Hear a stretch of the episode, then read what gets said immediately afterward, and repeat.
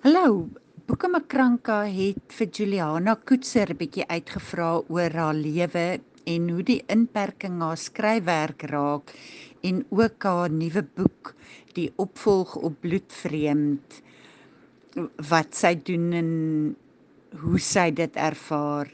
Luister saam wat Juliana vir ons vertel. Hallo almal. Ons het aan die einde van 2018 in Desember het ons vanaf Pretoria ehm um, Kaap toe getrek, eintlik teruggekom hiernatoe. En nou bly ons hier net buite Hermanus, ehm um, in Vermont en as ek by my voordeur uitstap, dan kyk ek op hierdie lieflike berg wat nou net so hierdie kant van my huis lê. Maar in elk geval toe ons hiernatoe gekom het, het ek begin weer met 'n nuwe manuskrip. Ek wou die opvolg skryf op Bloedvreemd wat in 2015 uitgekom het. Nou so baie mense vir ons gevra het um, en steeds vra hoe dit met Anneke gaan, het ek toe ehm um, het die uitgewer met my gepraat en ons het besluit goed, ehm um, ek gaan 'n opvolg doen op op Bloedvreemd.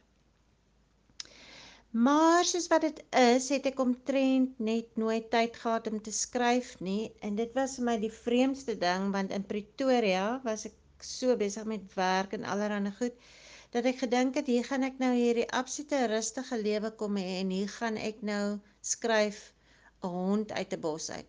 Maar niks van dit het gerealiseer nie. Ek was besigger as ooit en ek kan regtig eintlik ook nie sê waarmee nie. Dit is seker maar met 'n nuwe huis, 'n nuwe aanpassing, 'n nuwe omgewing en daar's baie plekke wat 'n mens kan besoek en so aan. So ek het geskryf, maar nie soveel soos wat ek wil nie. Toe kom die grendeltyd.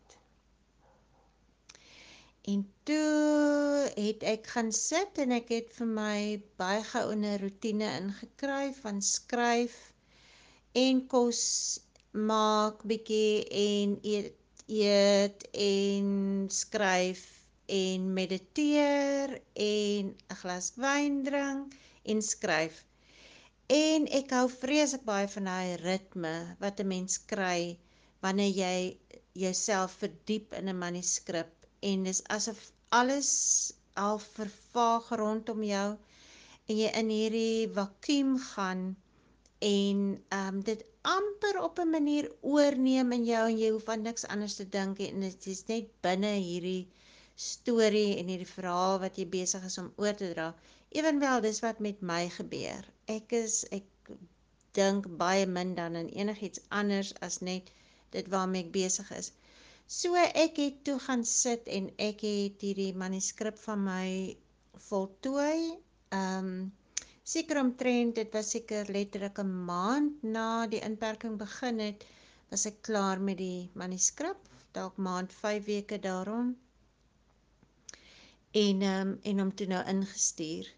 Uh natuurlik wag 'n mens dan nou vir die vir die uitgewer om terug te kom na jou. Ek het ook ek is nou by 'n ander uitgewer, iemand in Rousseau en ehm um, ja, en so 3 weke daarna het ek toe nou gehoor dat die manuskrip aanvaar is na 'n paar keer verslae en so aan. So, maar daar's natuurlik nou natuurlik groot klomp skaaf en skuurwerk en daarmee is ek nou besig. Ehm um, en dan verskyn die kind se naam is Anneke wat 'n opvolger is op Bloedvreemd dan nou vroeg volgende jaar in Februarie.